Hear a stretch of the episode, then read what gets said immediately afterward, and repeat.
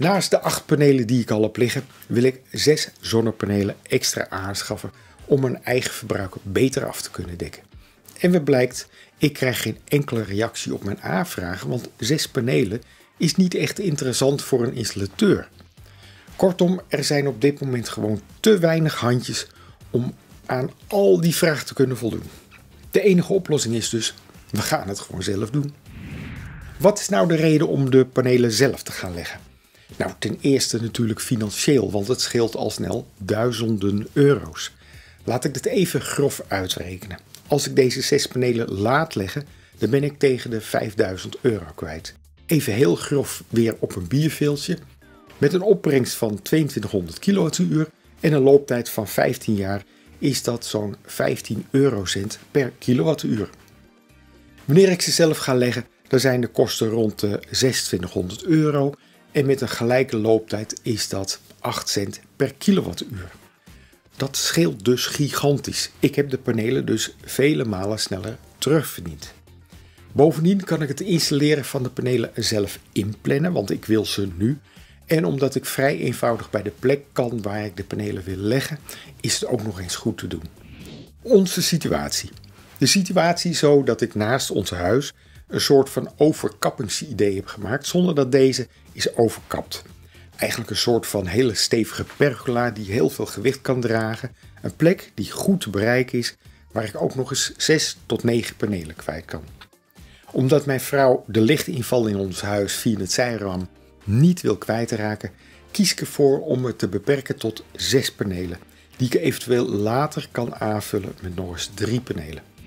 Waar heb ik mee te maken? De ligging is het beste. Dit houdt in dat ik ongeveer 30% minder opbrengst zal hebben dan op het zuiden. Ook zie je dat het ene paneel eerder zal worden aangelicht door de zon dan het andere.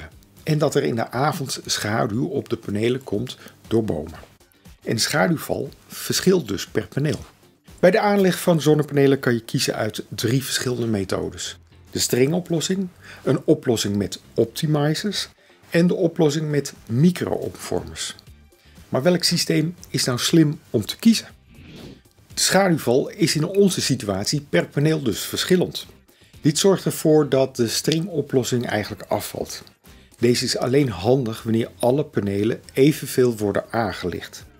Het nadeel van een stringoplossing is dat je niet kan zien welk paneel een probleem veroorzaakt wanneer je een probleem hebt. Je zal dan ieder paneel afzonderlijk moeten testen. Maar een eenvoudige stringmethode is overigens wel de goedkoopste oplossing.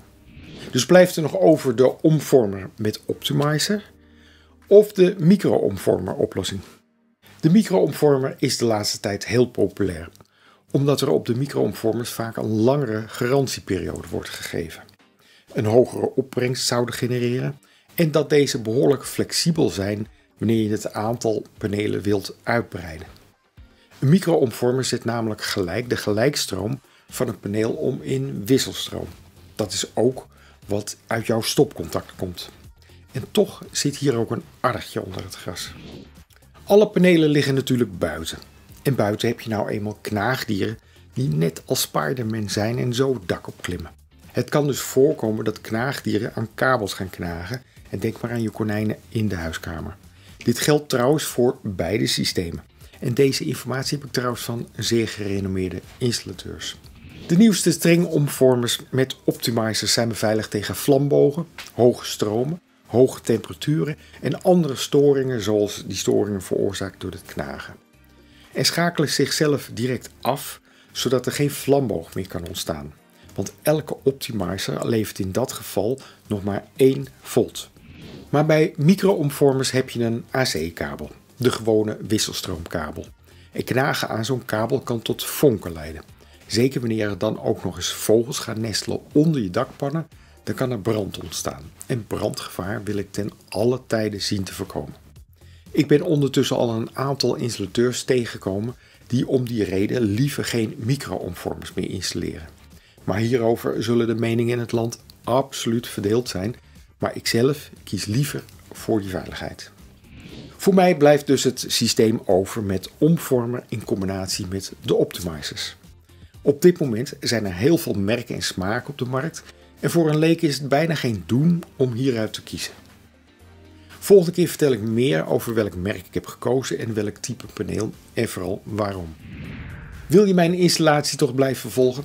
Abonneer je op dit kanaal, geef even een duimpje en tot de volgende keer.